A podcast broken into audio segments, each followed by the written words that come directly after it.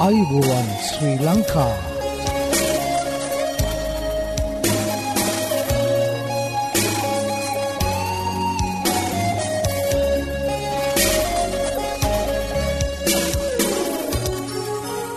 ඔබට සුපදස මේ Adventist world radio බලාපොරොත්වය හඬ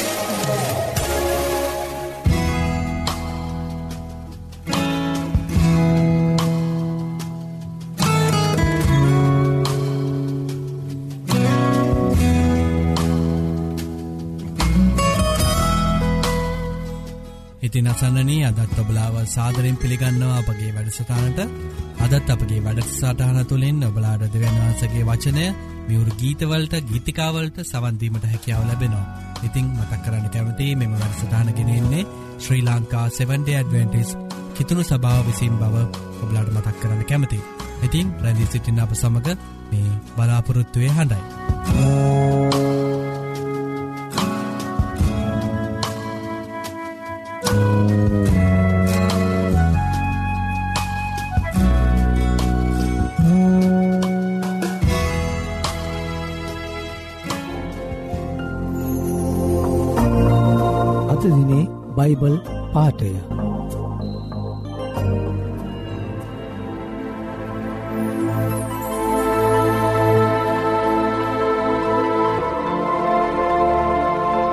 ස්වාමීනි මාගේ යාඥාවට කන්දුන මැනව. මාගේ කන්නලව් ශබ්දය ඇසුව මැනව. මාගේ විපත්ති දවසේදී ඔබට යාඥා කරන්නෙමි. මක් නිසාද ඔබ මට උත්තර දෙනසේද. ගීතාවලිය අසූහයේ හැවෙනි පරිච්චේදේ අටදක්වා.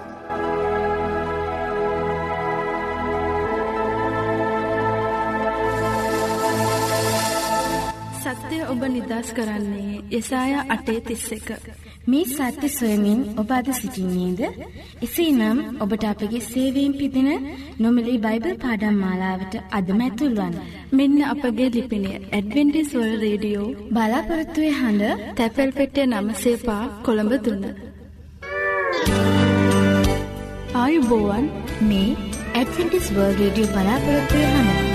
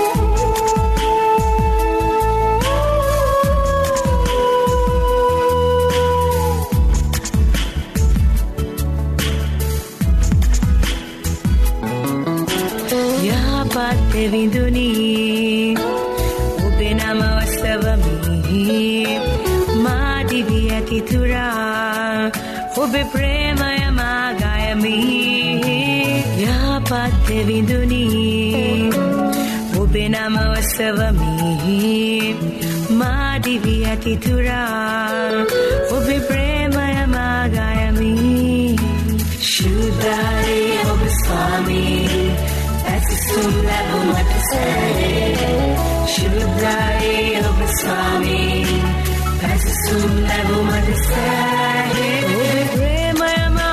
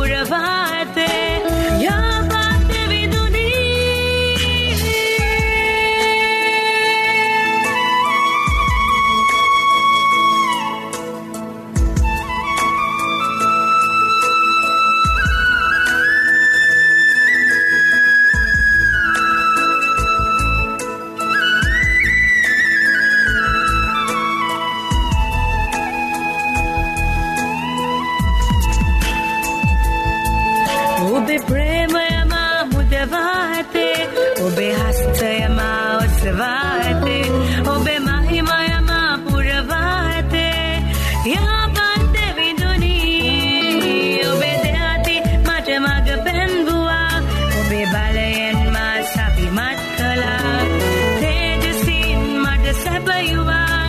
Yeah.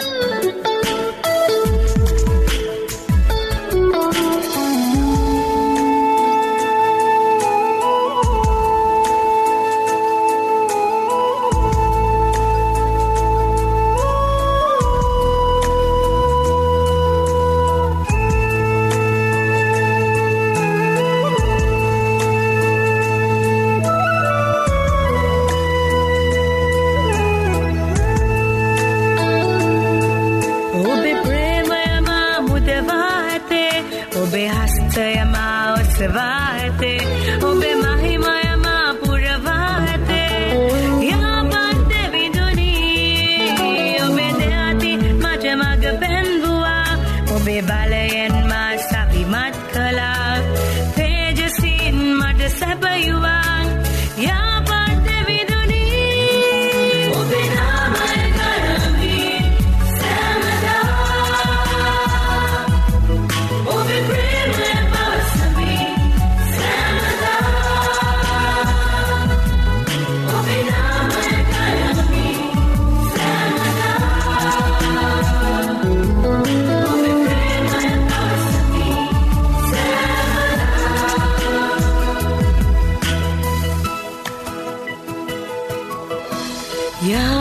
යාපත් විදුනී ඔබේ නම ඔස්සවමි මාදිවී ඇතිතුරා ඔබේ ප්‍රේමය මාගයමි යාපත් විදුනී ඔබේ නම ඔස්සවමි මාදිවී ඇතිතුරා ඔබේ ප්‍රේමය මාගයමි ශුද්ධරි ඔබ ස්වාමී. පැත්සුම් ලැබුමට සැහේ ශුද්ධයි ඔබ ස්වාමී පැසසුම්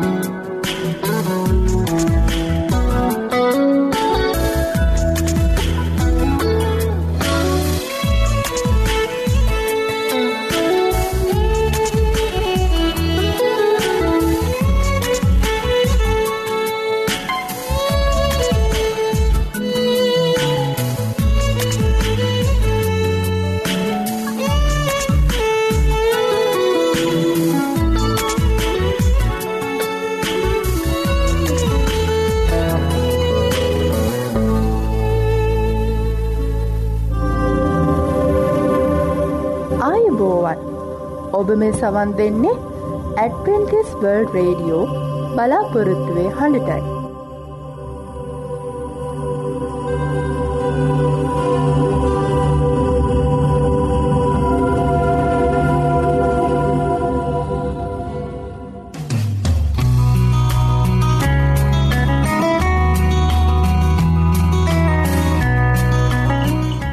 ඉතින් අසන්නනී ඔබලාට ස්තුතිවන්ත වෙනවා අපගේ මෙම මැල්සටාන් සමඟ එක්වී සිටීම ගැන.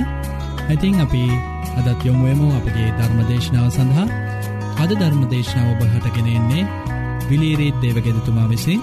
ඉතින් ඔහුගෙනන ඒ දේවවාක්‍යයට අපි දැන්යොමු රැඳි සිටින්න මේ බලාපොරොත්තුවය හඬ.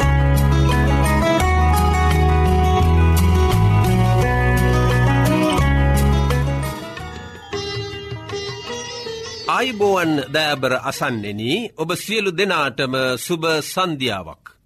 මෙම දේශනයට සවන් දෙන ඔබගේ සිතේ පිළිතුරු ලබාගන්නට කැමති සියදහස් ප්‍රශ්න ඇති නේද.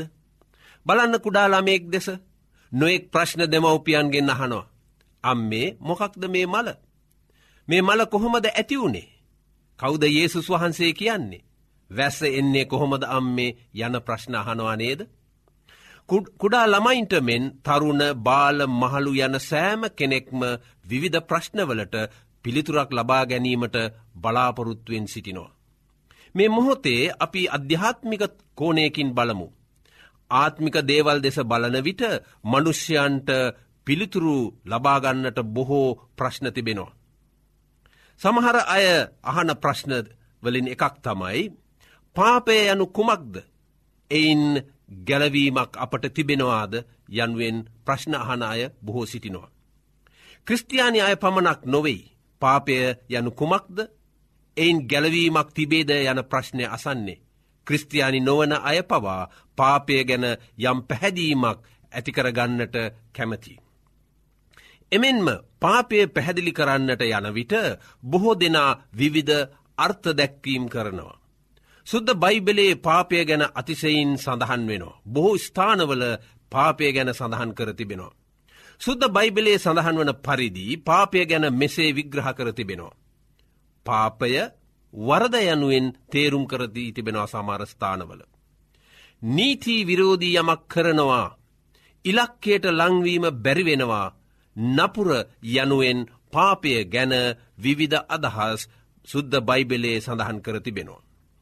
එනෙන්ම දෙවියන් වහන්සේගේ කැමැත්තෙන් පිට ක්‍රියාකිරීම පාපය යනුවෙන් සඳහන් කර තිබෙනවා සුද්ද බයිබලේ. එනම් දෙවියන් වහන්සේගේ කැමැත්ත කිරීම නොසලකා හැරීම හෝ උන්වහන්සේ තහනම් කර ඇති දෙයක් කිරීම පාපය යනුවෙන් සුද්ද බයිබලය පෙන්නුම් කර දෙනවා. දෙවියන් වහන්සේ මනුෂ්‍යයට දසපනතක් දුන්සේක. අනපනත් මුල් ආරම්භේදී ඒදන් වෙනෙදී ආදම් සහ ඒවට දෙවියන් වහන්සේ දුන්සේක. දෙවියන් වහන්සේ මනුෂ්‍යයාට කතාකොට ආග්ඥා කරමින් ඒදන් වේනේ සියලු ගස්වලින් කැමති ලෙස කන්ට පුළුවන්නෑ කීසේක. එහෙත් යහපත හා නපුර දැනගැනීමේ ගහෙන් කන්ට එපාය මක්නිසාද එයින් කෑ දවසෙහි ඒ කාන්තයෙන් නුබලා නසින්නේ යැයි කීසේක උත්පත්ති පොතේ දෙවැනි පරිච්චේදේ තුන්ගනි දෙවැනි පරිච්චේදේ දාසනි වගන්තියේ එසේ සඳහන් කර තිබෙනවා. නොමුත් ඒව සාතන්ගේ පෙළඹවීම කරනකොටගෙන දෙවියන් වහන්සේගේ නියෝගය ඕනෑකමින් කඩකර එම ගසෙන් කෑවාය. එම නියෝග කඩකිරීම නිසා මනුෂ්‍යයා පාපයට වැටුණා. දෙවියන් වහන්සේගේ කැමැත්ත කඩකිරීම පාපයනමින් හැඳින් වෙනවා. බලන්න ආදම් සහ ඒව යහපත කරන්නට දැනගෙනත් එසේ කෙරුවේ නැහැ. සුද්ද බයිබිලේ යාකුබ්ගේ පොතේ හතුරණි පරිච්චේදේ දාහත්වනි වගන්තිය මෙන්න මේ විදිහට ඒ ගැන සඳහන් කර තිබෙනවා. යමෙක් යහපත කරන්ට දැන එය නොකරන්නේ නම් ඔහුට ඒක පාපේයයි එම පොතේ සඳහන් වී තිබෙනවා. අපගේ ජීවිත කාලේදි කරන සියලු අධර්මිෂ්ට ක්‍රියාවන්ද පාපය යනුවෙන් එක යොහන්ගේ පොතේ පස්වනි පරිච්චේදේ දහත්වනි වගන්තියේද සඳහන් වී තිබෙනවා. ආදම් සහ ඒව දේව නියෝගය කඩකිරීම නිසා ඔවුන්ට එම මොහොතේම ආත්මික මරණයකට පත්වෙන්ට සිදු වුණා.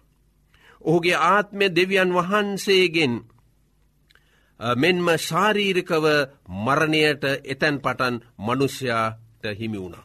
ඒ දේව නීතිය කඩකිරීම නිසා ආත්මිකව මනුෂ්‍යයා මරණයට පත් වනා පමණක් නෙවෙයි මරණයද එතැන් පටන් ඔහුට හිමි වුණා.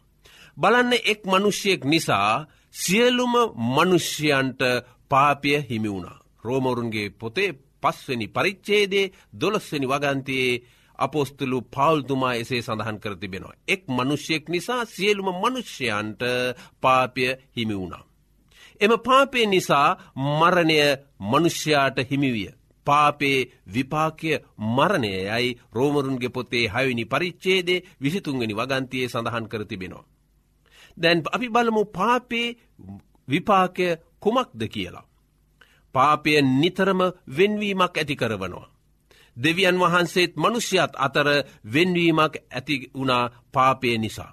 මේ බව යෙසයාගේ පොතේ පනස් නමවෙනි පරිච්චේදේ දෙවිනි වගන්තියේ ලියාතිබෙන්නේ මේ ආකාරයටයි. නුඹ නොමුත් නුඹලාගේ අපරාධම නුඹලා සහ දෙවියන් වහන්සේ අතරේ වෙන්වීමක් කළේය. පාපය නිසා ආදම් සහ ඒව අතර බෙහෙද ඇතිවිය.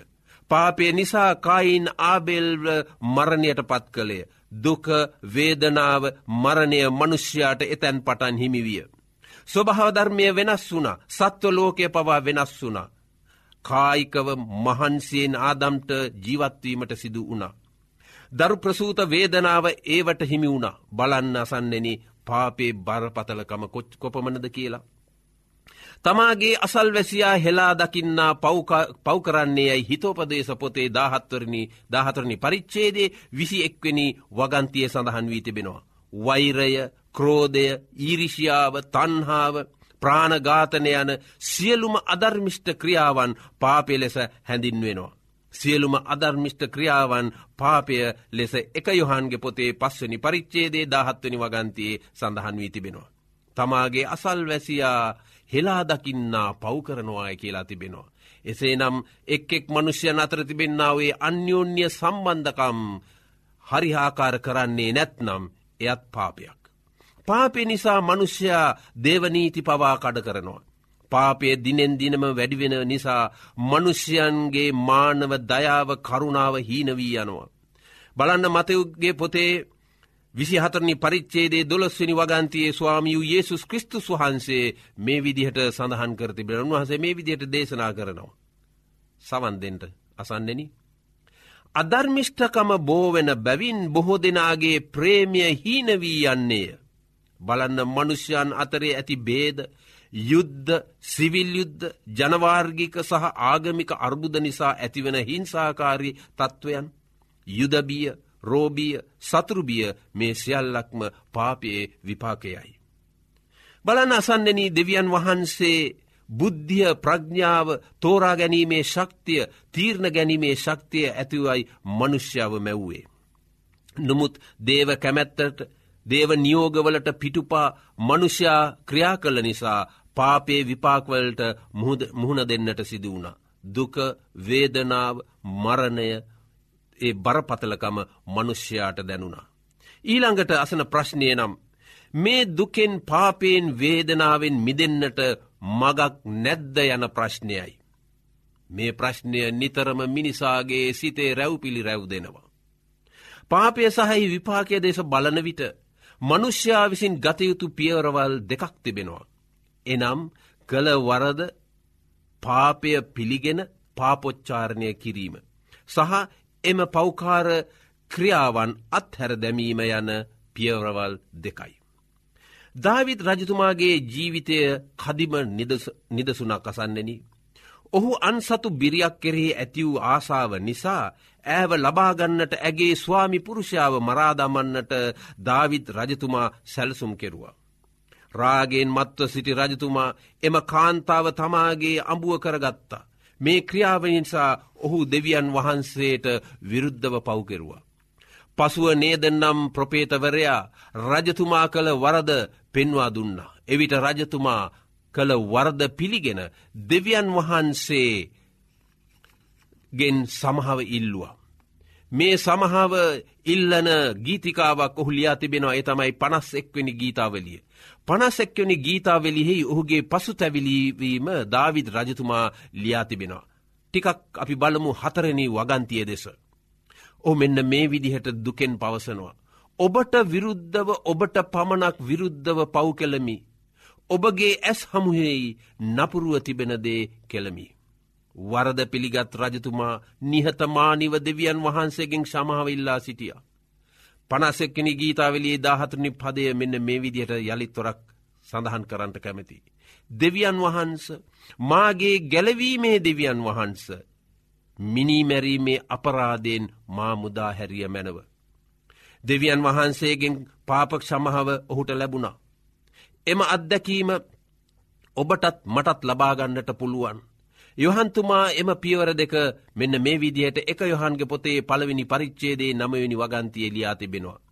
අපේ පාපවල් කියා දෙමු නම් අපේ පව් අපට කමා කරන්නටත් සියලු අධර්මිෂ්ඨකම්මින් අප පවිත්‍ර කරන්නටත් උන්වහන්සේ විශ්වාසව ධර්මිෂ්ටව සිටිනසේක.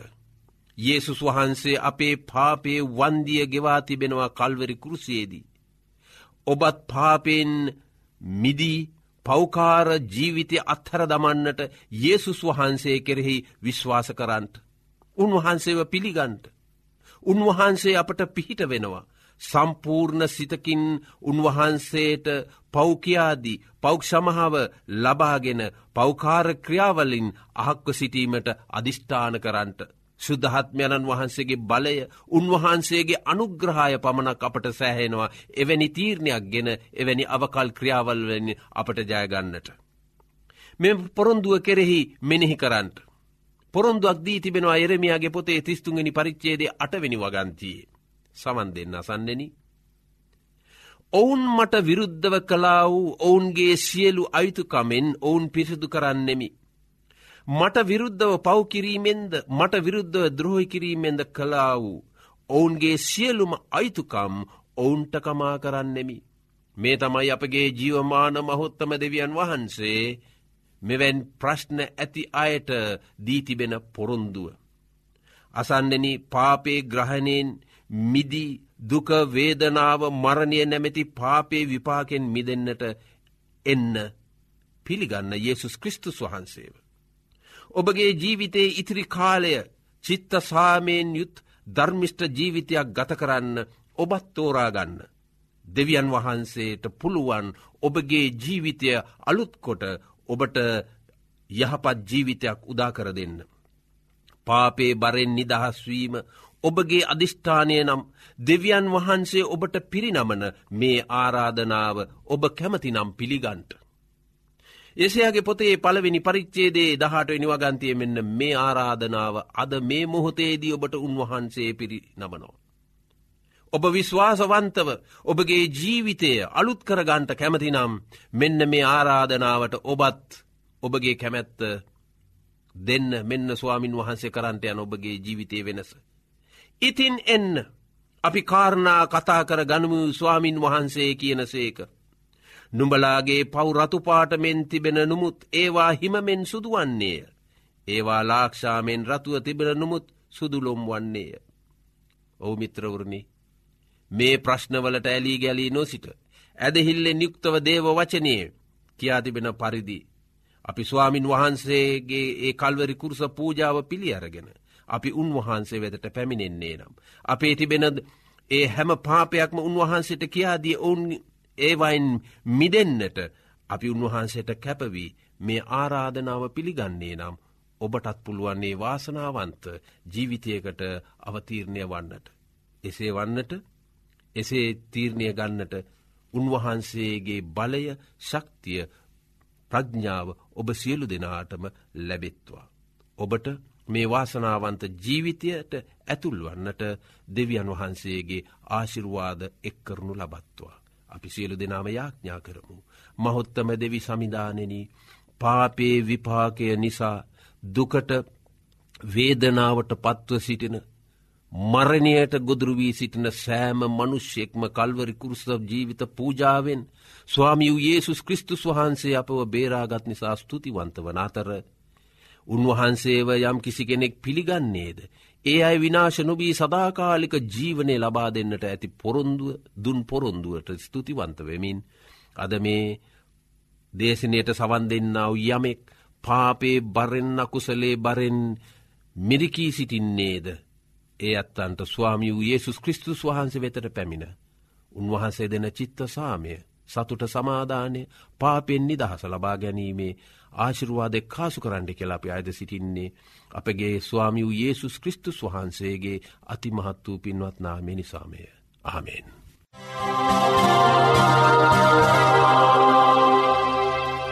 ඔබ මේ රැදි සිටින්නේ Sri Lanka Adventist world radio බලාපොරොත්වය හඬ සමඟයි.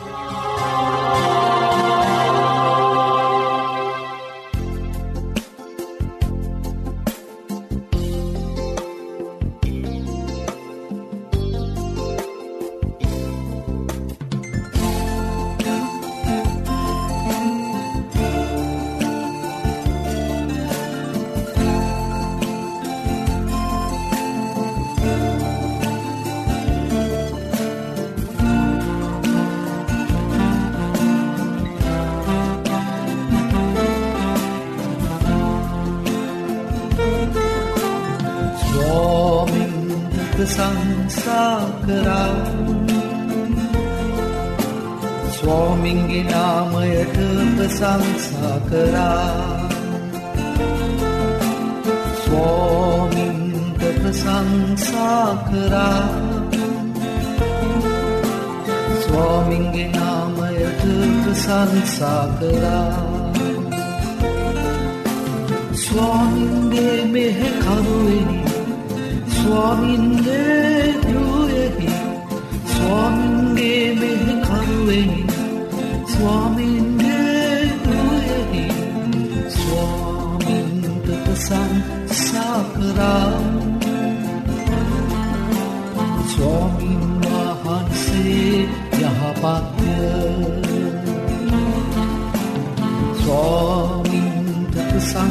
ප්‍රසංසාකරා මක්නිසාද ස්වාමින් වහන්සේ යහපත්ය.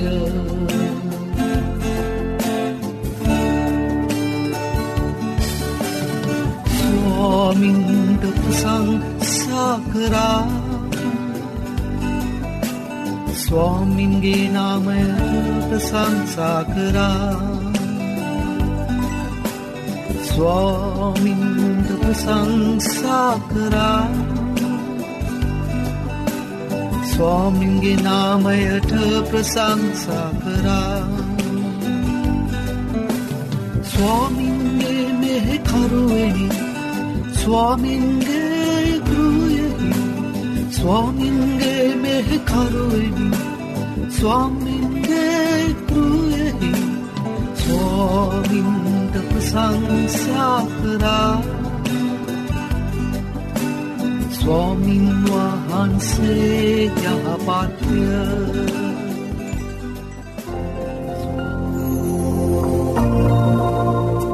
අපේ මෙ වැඩසටාන තුළින් ඔබලාට නොමිලේ ලබාගත හැකි බයිබල් පාඩං හා සෞඛ්‍ය පාඩම් තිබෙන. ඉතිං ඔබලා කැමතිනං ඒවට සමඟ එක්වෙන්න අපට ලියන්න. අපගේ ලිපින ඇඩවෙන්ටිස් වර්ල් රඩියෝ බලාපොරත්තුවය හඬ තැපැල් පෙට්ටිය නමසේ පහ කොළඹ තුන්න මම නැවතත් ලිපිනීම තක් කරන්න. ඇඩවෙන්ටිස් වර්ල් රඩියෝ බලාපොරත්තුවය හඬ තැපැල් පෙට්ටිය නමසේ පහ කොළඹ තුන්න ඒ වගේ මබලාට ඉත්තා මත් ස්තුතිවන්ත වෙනවා අපගේ මෙම වැඩසිරාණ දක්කන්නව ප්‍රතිචාර ගැන. අපට ලියන්න අපගේ මේ වැඩසටාන් සාර්ථය කර ගැනීමට බලාගේ අදහස් හා යෝජනා අපට අවශ්‍ය. අදත් අපගේ වැඩසටානය නිමාව කරාලඟාව තිබෙනවා. ඉතිං පුරා අඩහෝරාව කාලයක් අප සමඟ රැඳී සිටියඔබට සූතිවන්ත වෙන අතර එටදිනෙත් සුපුරෝධ පරිති සුපුරෘදු වෙලාවට හමුවීමට බලාපොරොත්තුවයෙන් සමුගන්නාම ප්‍රස්ත්‍රියකනායක ඔබට දෙවියන් වහන්සේගේ ආශිරවාදය කරුණාව හිමියේවා.